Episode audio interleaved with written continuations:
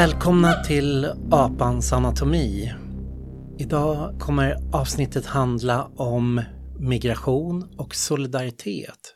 Framförallt solidaritet. Att det har ju blivit eh, i vår tid, vår debatt, en besatthet vid invandringen som problem, om motståndet mot invandring, om alla de högerpopulistiska initiativ som bildats för att stänga gränserna, om inskärpningen av flyktingpolitiken. Men eh, vi vill börja i den andra ändan och istället prata om solidariteten som finns kring hjälpandet av de som flyr. Med mig idag så har jag Patricia. Vem är du? Ja, vem är jag? Patricia Lorenzoni heter jag. Jag är idéhistoriker, skribent, gammal aktivist och um, har sedan ett par år tillbaka också överhuvudtaget i forskningen har jag hållit på mycket med våld och lidande och förlust och den sortens frågor och de senaste par åren i relation till asyl och migration, ja, svenska asylprocesser. Och så har vi också med Emily. Hej Emily! Hej! Ja, jag är också eh, gammal aktivist men jag blev också lärare i för nyanlända barn precis när det var hela 2015, när det skedde. Så då blev jag engagerad i de frågorna genom, dels genom min roll som lärare och alla de barnen och familjerna som man mötte där och engagerade mig i eh, Vi står inte ut som försökte samla yrkesaktiva som mötte de flyktingarna som kom då. Mm. Och anledningen jag ville göra det här programmet det var du har en blogg Patricia och jag läste också saker du skrev på Facebook om det här, om 2015. Att vi måste minnas 2015 som ett starkt år, som ett år då solidariteten verkligen blommade i Europa. Jag tror att det som var utlösande till den här texten var ett uttalande av Stefan Löfven i samband med att Eh, Afghanistan, att Kabul föll till talibanerna och eh, människor desperat försökte fly. Och det är inte som att människor inte har flytt Afghanistan tidigare, men det kom en ny liksom, våg av desperation och av flykt. Och eh, i den stunden så försäkrade Stefan Löfven oss då här i Sverige att vi ska inte tillbaka till 2015. Vilket jag fann oerhört provocerande i relation till människor på flykt, i relation till den situationen. Men också i relation till, alltså som jag minns 2015, som jag vet att många omkring mig minns 2015, så var det ju fram tills allting började stängas ner och fram till den här vändningen så var det ju oerhört mycket hopp och entusiasm. Det var inte så att det var någon som inbillade sig att det som skedde nu inte var kaotiskt eller att det som skedde nu var enkelt. Alla som konfronterades med det på olika sätt såg ju liksom svårigheterna, men att det ändå var en slags anda av att vi, vi fixar det här tillsammans, till solidariskt. De som kommer, de som är här och tar emot.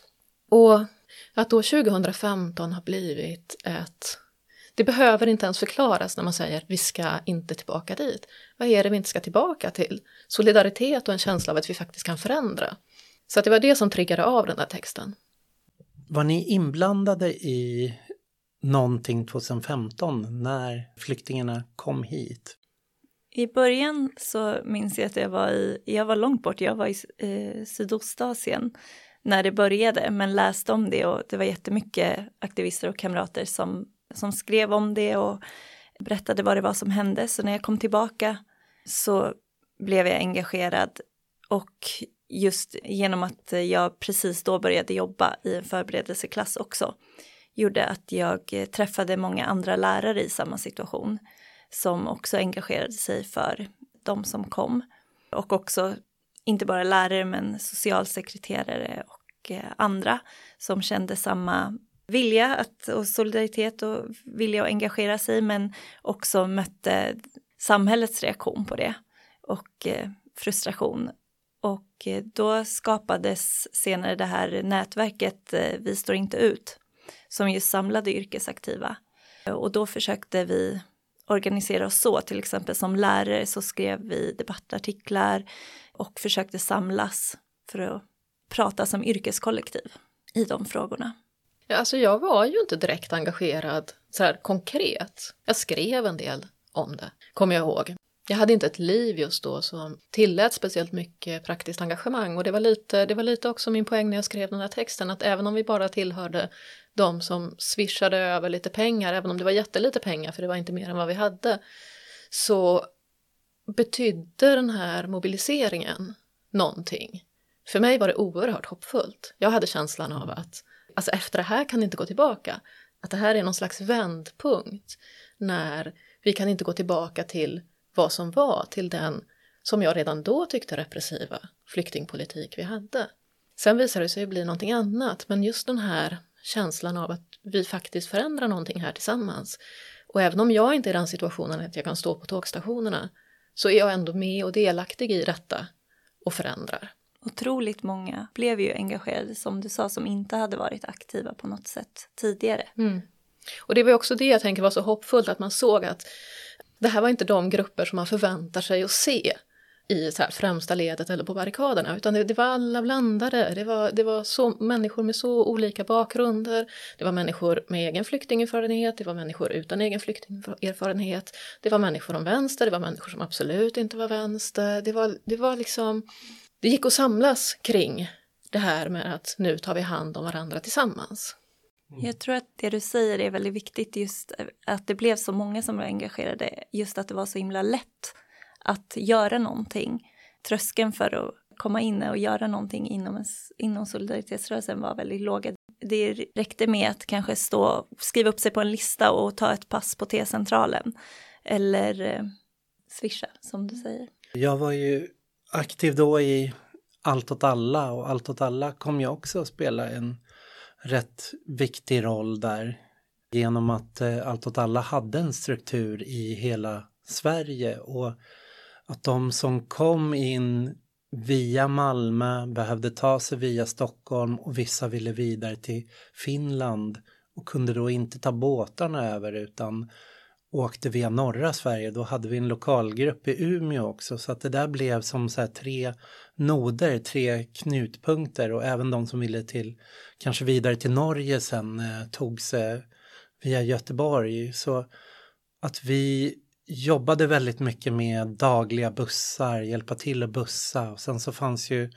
Kontrapunkt på den tiden, det sociala centret i Malmö som jobbade mycket med migranter och även EU-migranter innan då som blev väldigt viktigt i att samla upp, samla upp resurser. Och sen så fanns det ju då alla mottagningsstationerna på centralstationerna i, i Malmö och, och Stockholm och sen så på SAC, Syndikalisterna och på ABF ett tag så fick vi vara och ha massor med insamlingar och, av material, kläder, pengar, mat, allt som kunde behövas för, för resorna. Ja, det fanns väldigt mycket resurser och det fanns också väldigt mycket erfarenhet. För som du säger, det är ju många av de här grupperna som har arbetat med asylfrågor tidigare.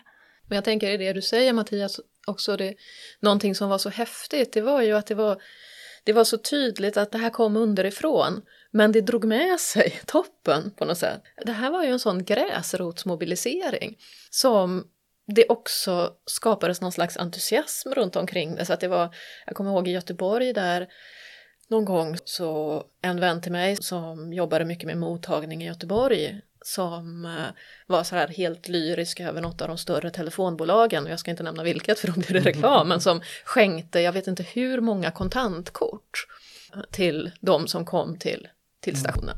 Och det här är så här stora kommersiella företag som, som dras med i någonting som verkligen genuint kommer underifrån. Jag tror inte man ska underskatta heller just att eh, i och med att det blev så storskaligt så var det väldigt många som kom i kontakt med flyktingar och de här frågorna genom sina arbeten som kanske annars inte skulle ha engagerat sig. Men i och med att de fick se, möta de här människorna och också förstå den problematik som fanns så engagerade de sig.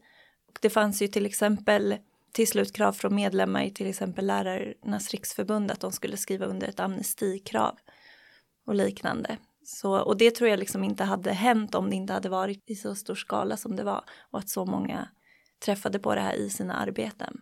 Ja, så det var ju allt från stora tv-galor till de minsta små handlingarna, liksom åka in och lämna någonting vid T-centralen till de här insamling och välkomstborden. Jag tänker det som Emelie säger också om det här med att väldigt många människor som kanske inte haft så mycket beröringsytor med nyanlända fick det. Och jag har hållit på mycket med just det här med vems lidande uppfattas i ett visst samhälle, en viss historisk situation av majoriteten som tolererbart. Och där har jag använt ofta Vi står inte ut som exempel. För att jag tycker att namnet på den här rörelsen som bildades är så bra. Vi står inte ut men vi fortsätter ändå kämpa. Att det där, det blev så tydligt att det, framförallt när avslagen började komma, att det lidande som de här människorna som under svåra strapatser, unga människor, det handlar ju om ensamkommande i den rörelsen, det som de genomled, det hade blivit icke tolererbart för en sån stor andel människor som var liksom etablerade i det svenska samhället och det var någonting väldigt speciellt tror jag.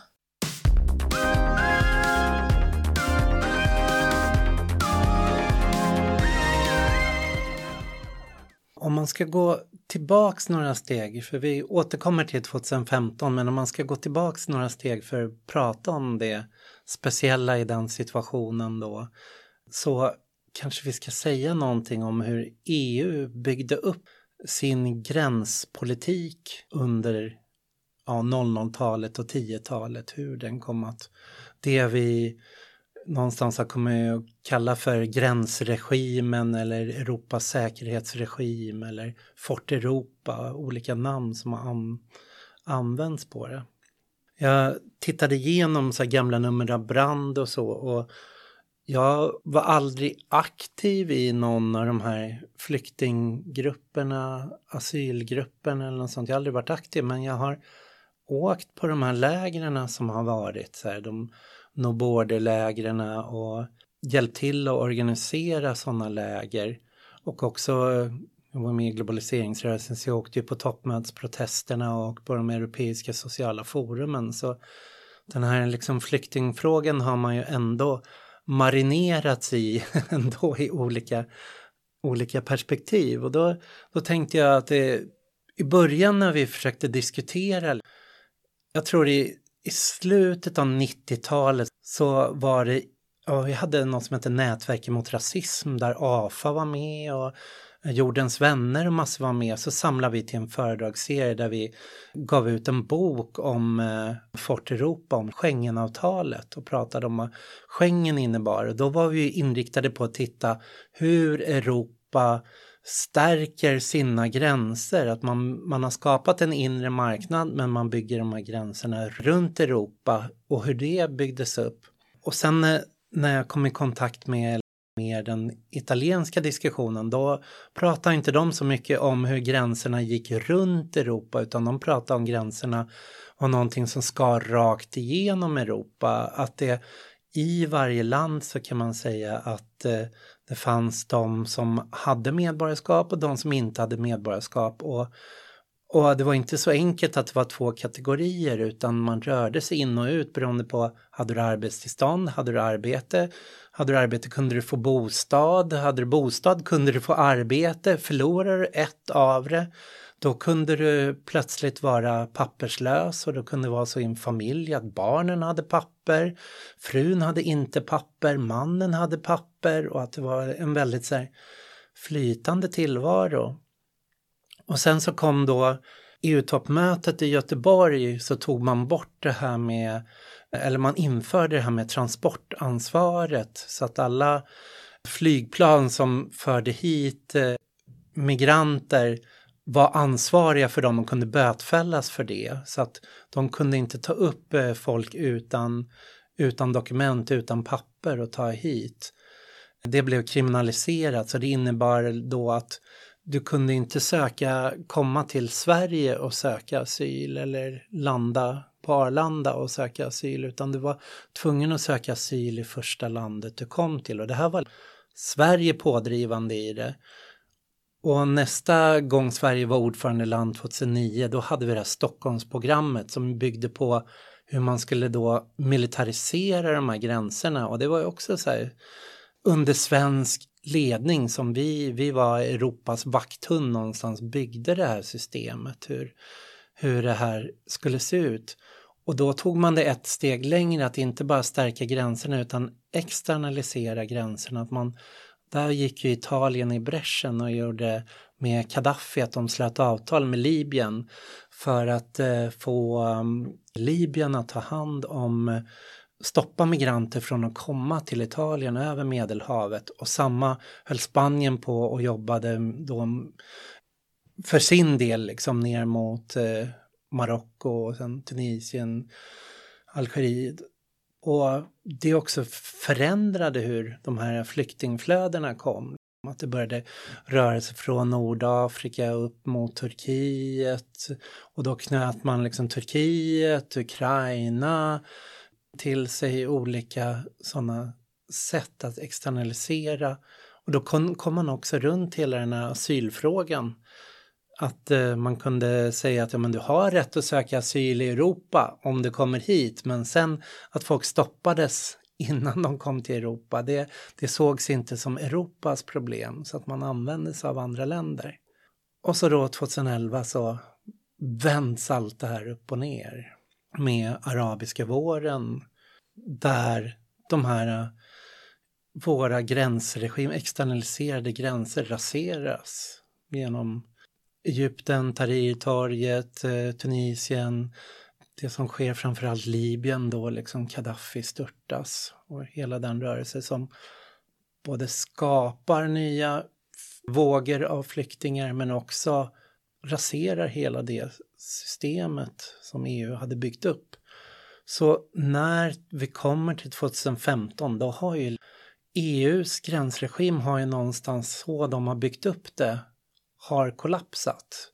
Och man har dessutom ur arabiska våren kommit en massa repression. Så att vi har en massa människor på flykt. Och de länderna fungerar inte då längre som buffer. Motsvarar det er bild av? Ja, det gör det ju. Och jag tycker att den där, den där förhistorien den är ju väldigt viktig. För att det var ju inte som att det var ju inte någonting som bara så här föll ner helt oförutsägbart 2015. Och, och just det här också att militariseringen av gränserna, kriminaliseringen av migration, det var ju någonting som hade pågått länge. Det är ju en, en enorm paradox att det är definierat som en mänsklig rättighet att söka asyl men det finns inget sätt, med några få undantag, med några få nålsögon, så finns det ju inget sätt att ta sig in i ett land legalt för att utöva den rättigheten. Men jag tänker också på det här igen för att komma tillbaka till 2015 och mm. hoppet. Mm. Att jag tror att framförallt för oss som på något sätt, oavsett hur aktiva vi varit i arbetet kring det här Fort Europa, men, men för oss som tänkt kring Fort Europa, som varit kritiska mot det, som, som mött människor i svåra situationer. Så det är klart, å ena sidan de här, de här bilderna från som vi, vi liksom som kavlades ut överallt på människor som gick längs med tågspåren, människor som gick längs med motorvägarna runt om i Europa det var ju människor i nöd, det var ju svåra strapatser, det var ju liksom det var ju förfärligt, men det var också enormt hoppfullt. Där och då så revs murarna. Och det var så här, jag, jag, jag, tror att det där, den känslan av att ja men, de här människorna, de, de kommer ju till oss som de som faktiskt river de här murarna som vi har avskytt i många år för att de är ja, humanitärt förkastliga.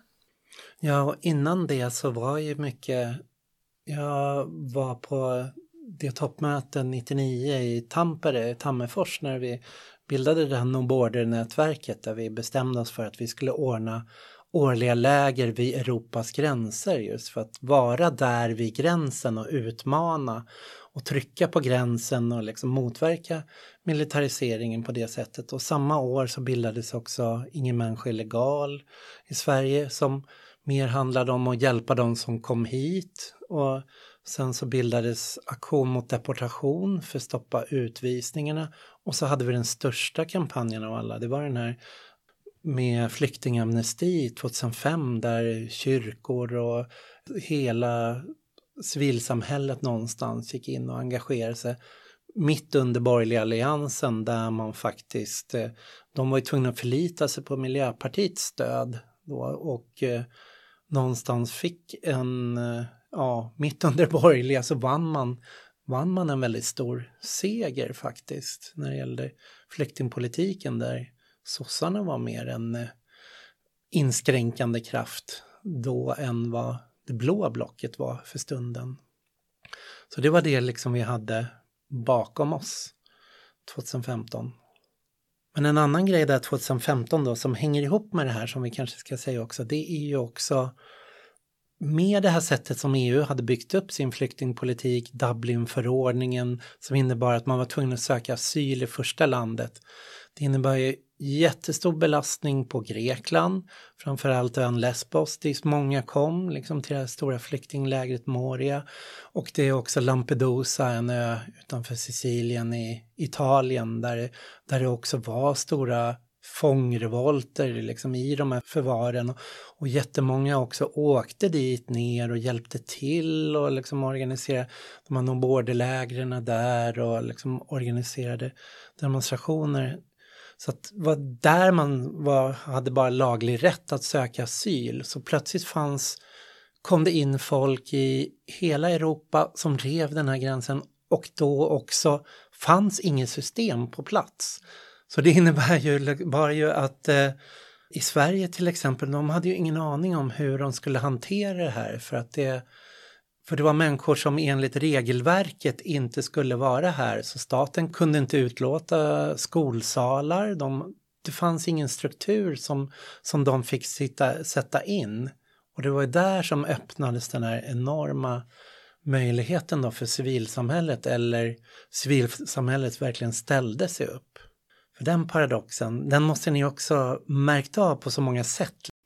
Ja, men det finns också stora möjligheter med att det blir storskaligt på en gång. Då har man ju chans att gå ihop och skapa liksom bra omfattande lösningar istället för att göra olika på alla små ställen. Alltså det blev ju mycket samarbete. Jag vet inte vad jag vill säga. ja, jag minns att en av de stora konflikterna som var där den hösten 2015 var ju när någonstans Stockholms stad till exempel, men även i Malmö, när politikerna var tvungna att acceptera situationen. Nu är folk här. Fast de inte uppfyller regelverket på något sätt så måste man, alltså det är en humanitär katastrof att inte agera, att inte låta och då började de sortera vilka organisationer som skulle få hjälpa och vilka som inte skulle få hjälpa.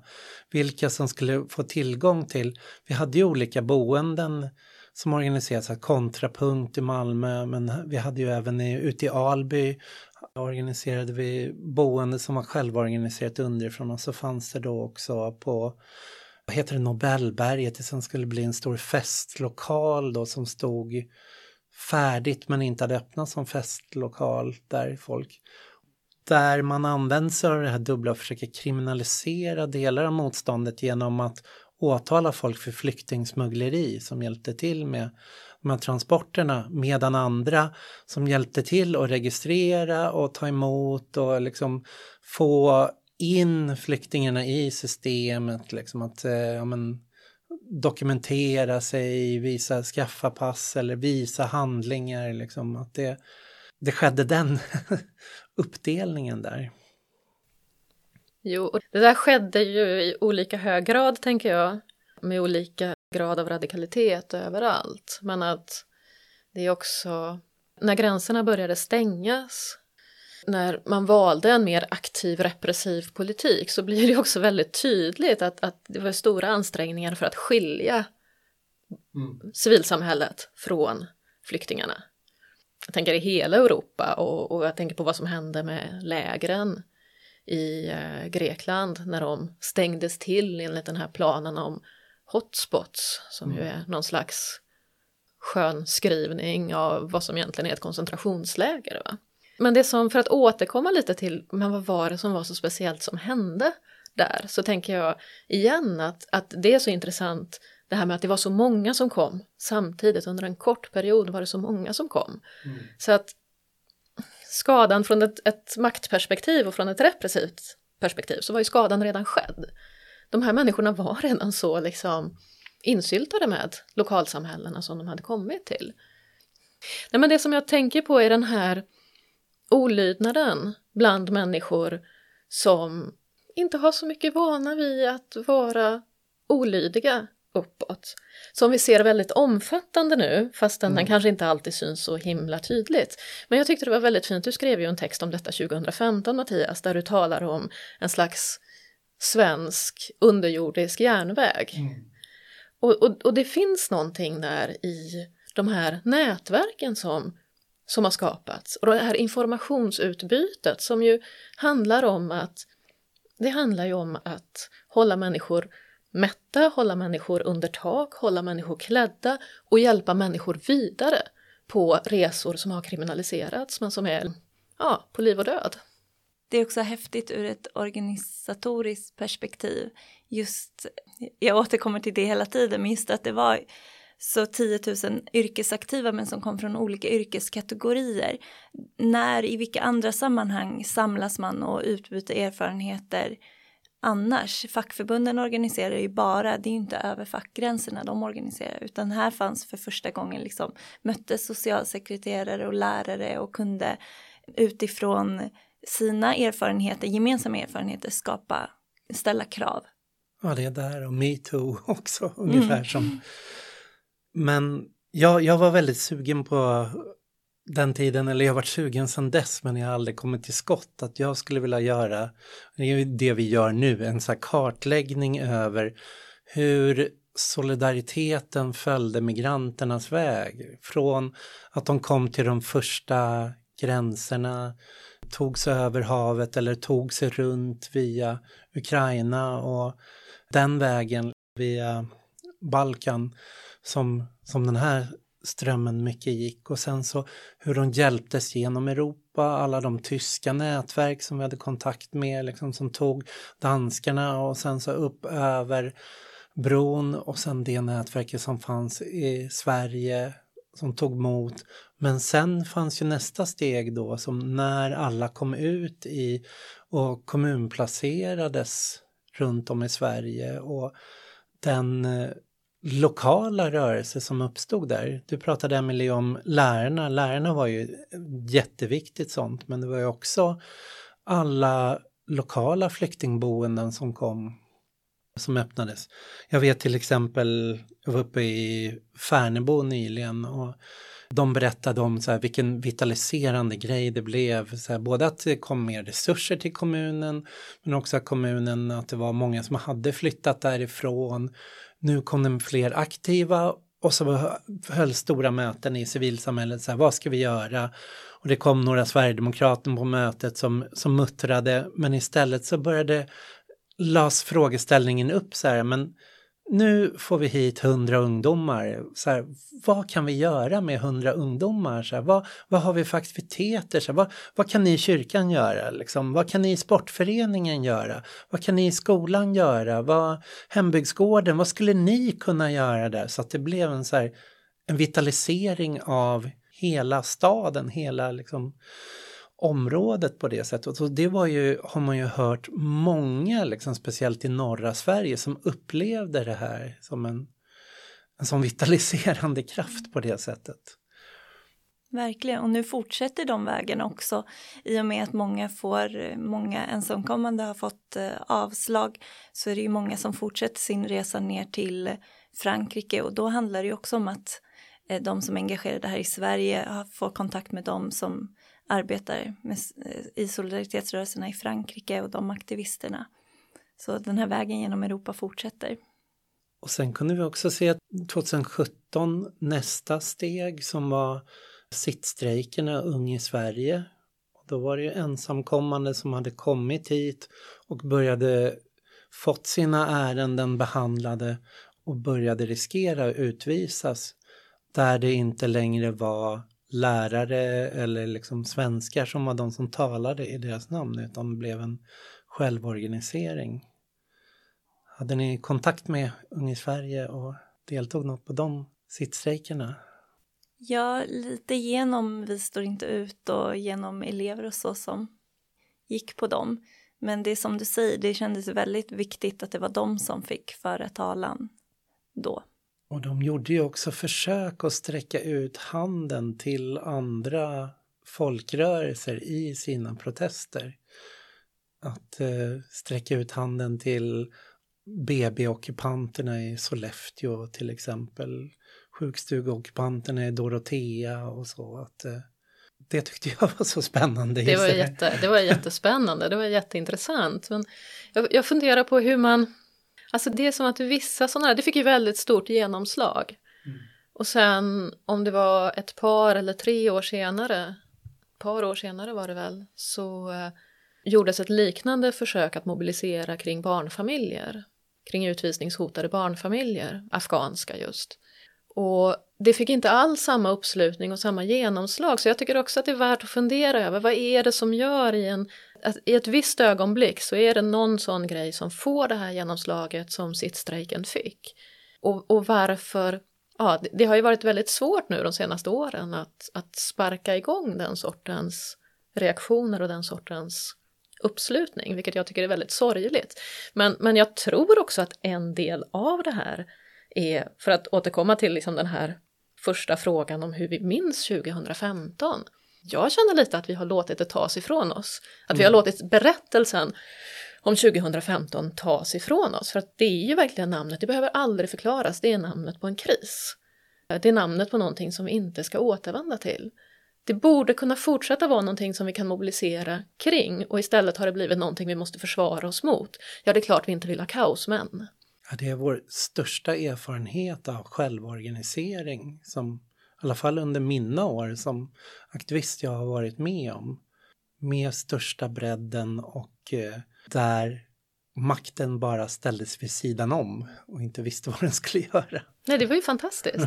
Men jag tror också det var, det var när jag började tänka bara skriva lite om det här på Facebook så var det en, en vän som sa till mig att hon, eh, hon tänkte att vi är så många som, som har varit så mörbultade av allting som kom sen så att vi har, vi har, liksom, vi har inte orkat hålla uppe detta. Va?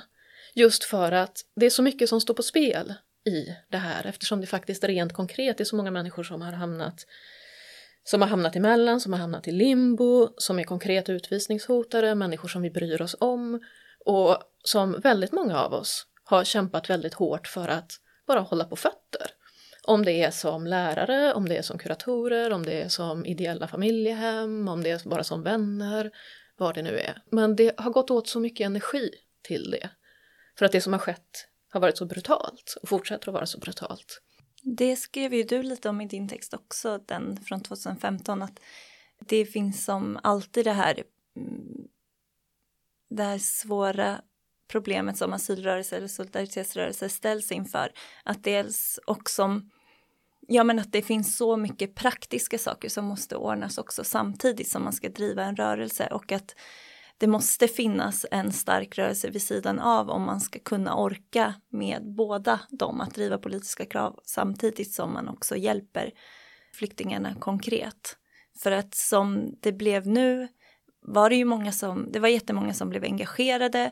Det var otroligt många som blev väldigt, väldigt, som kände sig väldigt, väldigt svikna av det svenska samhället som de ändå hade trott på, om man säger i alla fall de här stora mängderna människor som tidigare aldrig hade varit politiskt engagerade.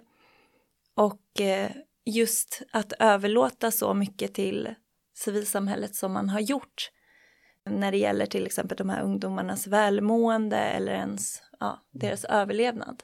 Det är ju ett väldigt effektivt sätt att ta knäcken på sådana politiska krav och rörelser också.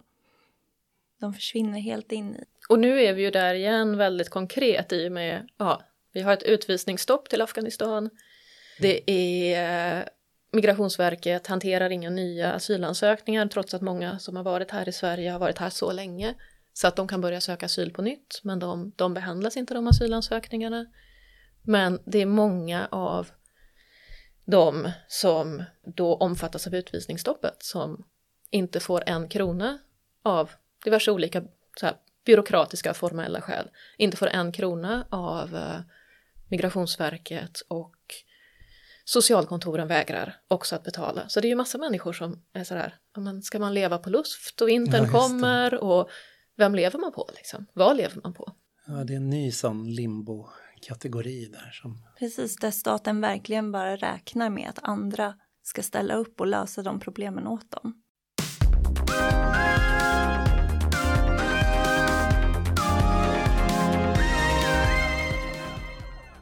Det var ju en av de eh, märkligare diskussionerna eller som vi tog eh, 2015, jag vet, i Allt åt alla och jag tänker det som sker bland barnmorskor idag och eh, bland vårdpersonal under pandemin har nog varit lite liknande och det, vi kallar det för den humanitära strejken.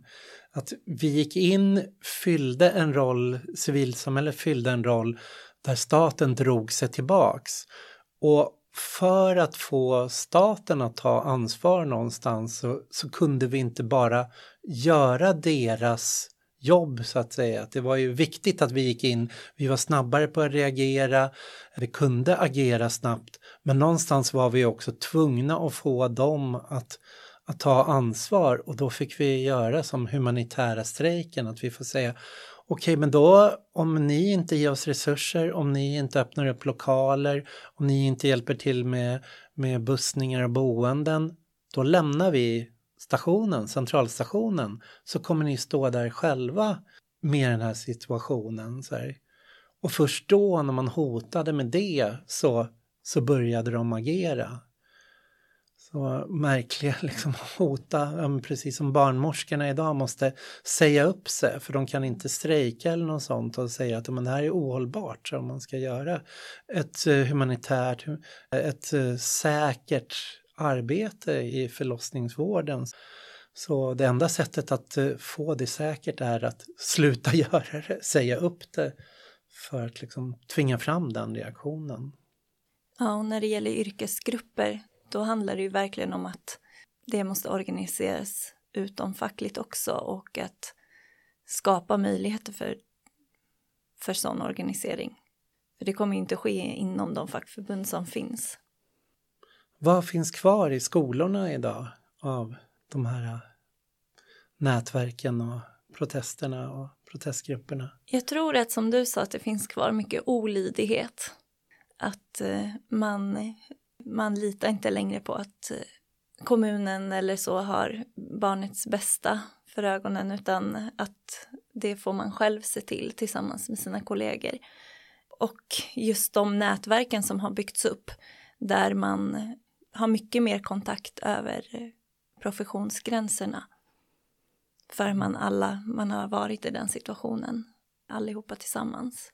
Men vad är det för eh, från 2015s om vi ska se de starkaste lärdomarna, så här, vad är det vi borde, förutom att bara minnas 2015 som något starkt, vi, om vi ser det som en skola, liksom, vad, vad vi måste ta med oss och använda idag som vi, som vi faktiskt gjorde rätt då, som vi kanske har glömt? Alltså jag känner att, jag vet inte om jag är den rätta att prata om det, för att jag har precis också förklarat att jag inte var speciellt konkret aktiv då. Det är jag mer idag skulle jag säga. Men det här med att vi faktiskt kan, det tänker jag, det, det är en lärdom att dra. Att vi faktiskt kan.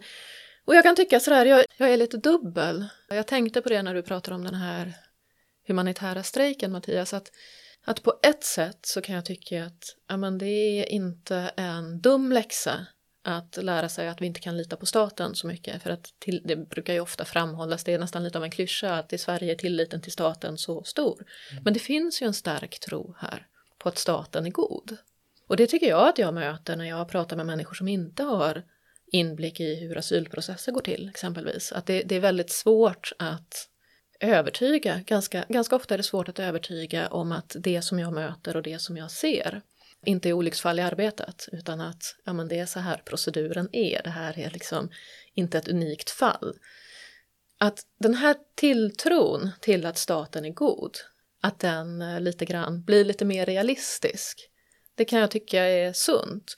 Men samtidigt är det ju någon slags dilemma där i det här som du tar upp att ja, men vi ska ju samtidigt kräva av den att den är god. Inte sant? Mm. Men vi måste agera utifrån vår kunskap om att den inte är det. Och därför måste vi också, jag tänker en sak, en lärdom från det att dra, det tänker jag är att vi är i en situation nu när det här du sa om Italien förut och det här flytande där det finns olika kategorier med olika former av tillstånd eller olika former av olika grader av utvisnings, utvisningsbarhet. Det har ju blivit tydligare och tydligare i Sverige. Och att det finns många människor som lever här och har levt här länge som kanske aldrig kommer att få uppehållstillstånd. Och hur agerar man solidariskt för att göra det livet mer levbart? Så att man inte bara är utlämnad åt antingen någon slags liksom välgörenhet eller att bli grymt exploaterad på en svart arbetsmarknad. Vad, vad, hur kan vi skapa, liksom, hjälpa till att skapa former för odokumenterat liv underifrån? Jag tror att vi måste Asylrörelsen har varit väldigt inriktad på uppehållstillståndet men om det för en större grupp blir ouppnåeligt, vad betyder det för hur vi bör organisera oss? Där har ju asylrörelsen och flyktingrörelsen verkligen drivit fram många lagändringar och bestämmelser som har gjort livet för papperslösa lite lättare. Ja, men till exempel eh, rättigheter till vård och sekretess för många yrkesgrupper kring papperslösa. Det är ju sånt som hjälper dem verkligen i vardagen. Men de är ju ständigt hotade också, de rättigheterna. Ja, jag funderar också vad, vad för viktiga lärdomar. Det, någonstans så tänker jag det tog ett halvår för reaktionen att hämta sig där. Att det var först våren 2016 som det började slå tillbaks och de började kunna formulera sin problembild varför det här liksom var eh, så hemskt. Att man hade ett halvårs lucka på sig där. Och det är ofta det där, vi är väldigt bra på brandkårsutryckningar att organisera oss självständigt när någonting väl sker. Men frågan är hur vi sen tänker oss att göra det till till hållbara institutioner, hållbara. Och då var ju, vi stod ju inför en situation där staten hela tiden sa att ja, men det här är, nu gör vi bara ett undantagstillstånd här, det här är bara en tillfällig stängning av gränsen och sen permanenterades det där. Och det var som att vi inte själva förstod att det här skulle bli permanent, det de, det de sa att det här, vi behöver ett andrum, hela det begreppet, den andrumsdiskussionen som, det där andrummet tog ju aldrig slut utan det var, det var som bara en ursäkt för att så här jo, ni har rätt, men vi behöver bara pausa lite för att sen kunna gå tillbaks och fortsätta det här solidariska. Och då när diskussionen kom om att göra det permanent, då hade ju många människor redan jobbat med de här frågorna ganska länge och eh, var väldigt, väldigt trötta och utmattade redan då. Alltså det handlade om att hålla många ungdomar vid liv bara. Och eh, så, jag kommer tillbaka till det du skrev i din text, alltså jag tror att ska man ha det man kan dra lärdom av också, det är att det är verkligen att ska man jobba så mycket, alltså på två fronter samtidigt, då måste man ha en stark rörelse som kan backa upp det solidaritetsarbete som är mer praktiskt, för annars kommer man liksom inte orka jag funderar också på, alltså jag vet inte riktigt om jag håller med dig Mattias, för att jag tycker att i alla fall runt omkring mig så kändes det som att alla väldigt krast utgick från att ja men det här kommer ju att permanentas, det här är ju livsfarligt. Mm. När, när det annonserades där i november, den här vändningen, att jag hörde talas om tillfälligt andrum, men alltså det var som att vi alla var beredda på det. Men samtidigt så fanns det ju också en berättelse om att det finns tyvärr inga alternativ. Och jag tänker sådär att amen, vi kanske inte ska vara så rädda för, vi säger jag nu som någon slags diffust, liksom, jag vet inte, majoritets-Sverige och även riksdagspolitikerna. Vi kanske inte ska vara för rädda för, för konflikt och politiskt risktagande. Jag, jag satt för några år sedan på en debatt eller ett samtal där bland annat eh, Fridolin deltog som Mm. ju var en av dem som verkligen försökte jobba inom överenskommelsen, tänja på överenskommelsens liksom sådär. Och han försvarade det väldigt starkt för att de ändå fick igenom en del saker som ju var viktiga, inte minst för de ensamkommande. Men samtidigt som, och det var på något sätt den frågan som jag hade kvar efteråt, att samtidigt som man då går med på den här överenskommelsen så skapar man en situation och en, en berättelse om den enda vägens politik. Det här är nödvändigt, vi måste göra det här. Och det, det rycker liksom bort marken vi står på. Det blir oerhört svårt att jobba politiskt. Nu, nu, vi befinner oss i liksom det här parlamentariska spelet. På något sätt måste vi förhålla oss till det. Och när alla liksom reproducerar den här berättelsen om att det gör ont men vi måste, det gör ont när vi, men vi måste. Liksom. Att ja, ja, det hade kanske blivit en regeringskris om regeringen inte hade gjort detta. Och vi hade kanske fått ett nyval vi hade kanske fått en ännu värre regering. Men vi hade haft en bättre politisk grund att stå på, tror jag. Så att det här med, att, med förluster, att inte vara så himla rädd för risken för förlust. Men det är väl kanske riktat mer åt eh, rikspolitikerna än åt solidaritetsrörelsen. Men jag tror också att solidariteten vann väldigt mycket på att vara öppen och synlig. Både att de synliga momenten var ju när flyktingarna kom till centralen, till centralstationerna och när eh, Ung i Sverige gick ut på torget. Att mycket av det som skedde, det arbete som skedde runt om i Sverige i lokalsamhället och så var extremt viktigt. Men eh, det var svårt att få en bild av helheten, att fatta vilken massrörelse som pågick i Sverige som arbetade solidariskt, inte bara 2015 utan i flera år efteråt.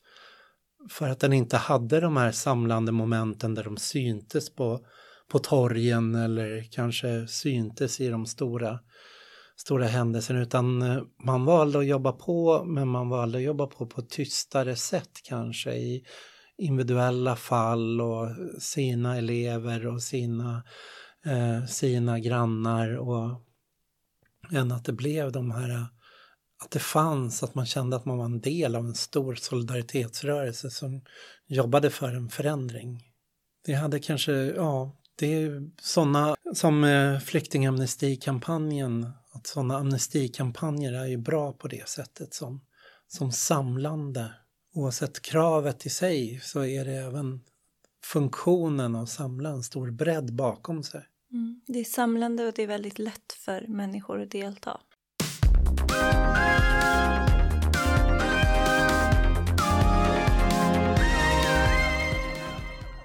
Sen tror jag en motsättning som lever kvar där också är att det här radikaliserade kyrkan och oerhört mycket.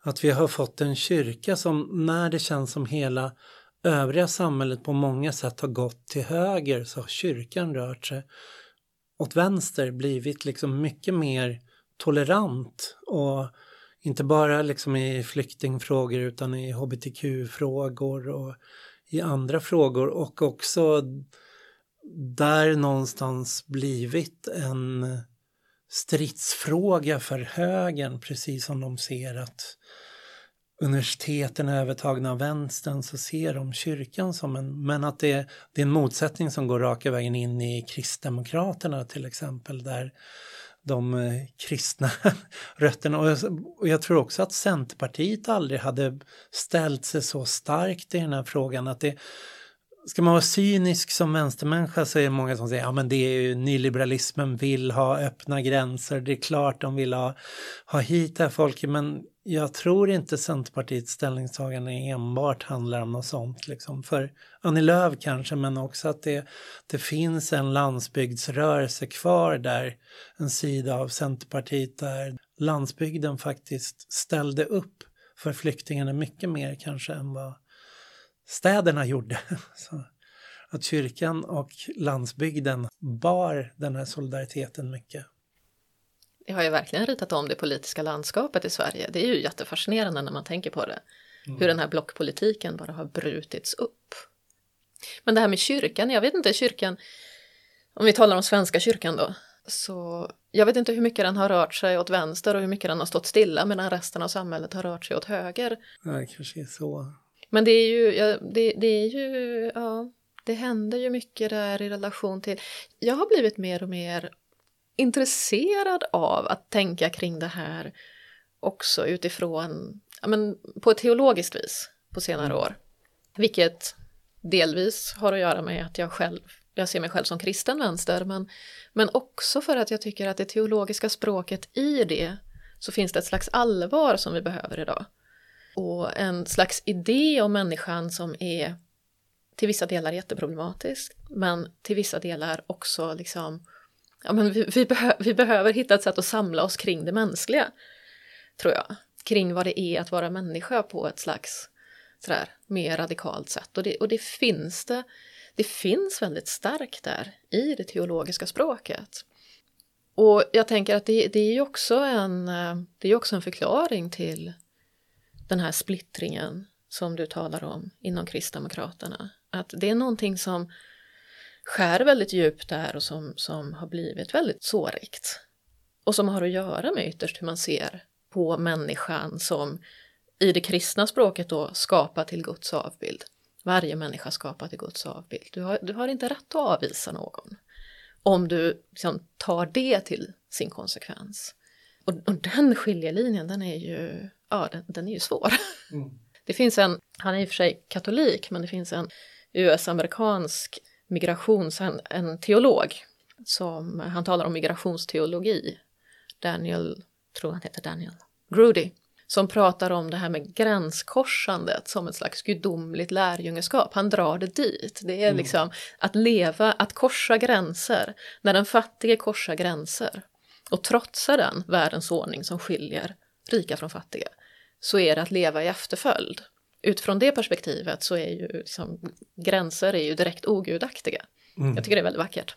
Mm, ja, det är väldigt spännande. Jag tänker att det är så mycket av det som skedde 2015 som fortfarande är olöst. För att vi fick hela högerpopulismen, Trump och någonstans kan man, det är kanske för tidigt att säga, men det känns som den körde in i kaklet liksom och att ingenting har kunnat lösas sedan dess. Att EU har inte kunnat få en ny gräns och flyktingpolitik utan EU har länder som Polen och Ungern som blockerar alla försök till att göra någon form av mer solidarisk flyktingpolitik och istället så har man de bitarna man hade innan har inte längre, alltså Dublinkonventionen går inte riktigt att upprätthålla men man försöker ändå ge sken av att allt det här fortfarande gäller. Du måste söka asyl i första landet du kommer och det enda som är kvar är att militarisera gränserna och nu försöker de externalisera gränserna har i de här, vad ska man säga, geopolitiska spelen så har ju Turkiet och Belarus har ju hittat sätt som de kan använda det som påtryckning mot EU i gengäld då, liksom att säga ja, vi kan hantera er flyktingpolitik, behandla dem utan rättigheter, men då ska vi ha en rad eftergifter för er. Att dels ska ni tolerera vår regim och ge oss fria händer att agera, agera mot kurderna till exempel eller mot den interna oppositionen hur, hur vi vill eller liksom få ekonomiska resurser. Så att det, det är en olöslig situation där människor fortsätter liksom allt mer vara i rörelse globalt. De här migrationsflödena ökar ju bara. Och lägger vi till, förutom att vi har en global marknad med globala ojämlikheter och så lägger till klimatfrågan på det liksom och eh, så Samtidigt som de här eh, som du pratade om förr, som man pratade om i Italien, de här gränserna inom EU också finns kvar. Mm.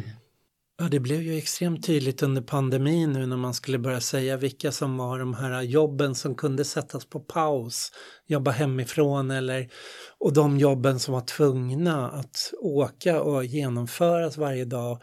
Och sen då när man insåg ju med som byggbranschen, går den att pausa? Kan vi stänga gränsen liksom mot eh, Baltikum, Polen och inte ta hit byggarbetare eller måste vi ta hit dem ändå? Jordbruket, klarar sig jordbruket bara på inhemsk arbetskraft eller inte? Att det, man har ju byggt upp en form av produktion också som bygger på den här tudelade arbetskraften så då där har man ju inte heller kunnat skapa några lösningar. Nej, och vi i skolan möter vi också barnen till dem som flyttar för arbete mellan EU-länder. Och kring de barnen finns knappt någon forskning. Man pratar inte om det, om de här barnen som växer upp i flera olika EU-länder. Hur kommer det vara för den generationen? För det är väldigt, väldigt många barn. Om vi ska avrunda lite så framåt morgondagens solidaritet. nu ser vi på just idag sätts vattenkanoner just nu när vi pratar in vid polska gränsen mot Belarus. Sverige har gått med på eller överväger att börja träna, skicka militär till Ukraina för att hjälpa till med utbildning där för att upprätthålla gränsen. Samtidigt ser vi också i Polen den här gröna lyktorna som är folk som sätter ut gröna lyktor i sina hem eller en rörelse som tänder gröna lampor för att visa att hit är du välkommen att komma. Det här kastar en tillbaks väldigt mycket till 2015 och tänker att är det därifrån vi går vidare nu? Verkligen. Jag hoppas, eh, jag hoppas att eh, solidaritetsrörelsen eller asylrörelsen kan slå sig ihop mycket med klimatrörelsen och göra frågor kring klimatflyktingar, fokusera på de frågorna. Och det finns mycket olidighet i båda de rörelserna som nog kan, där man kan lära sig av varandra och eh, tillsammans hitta sätt att bedriva de frågorna.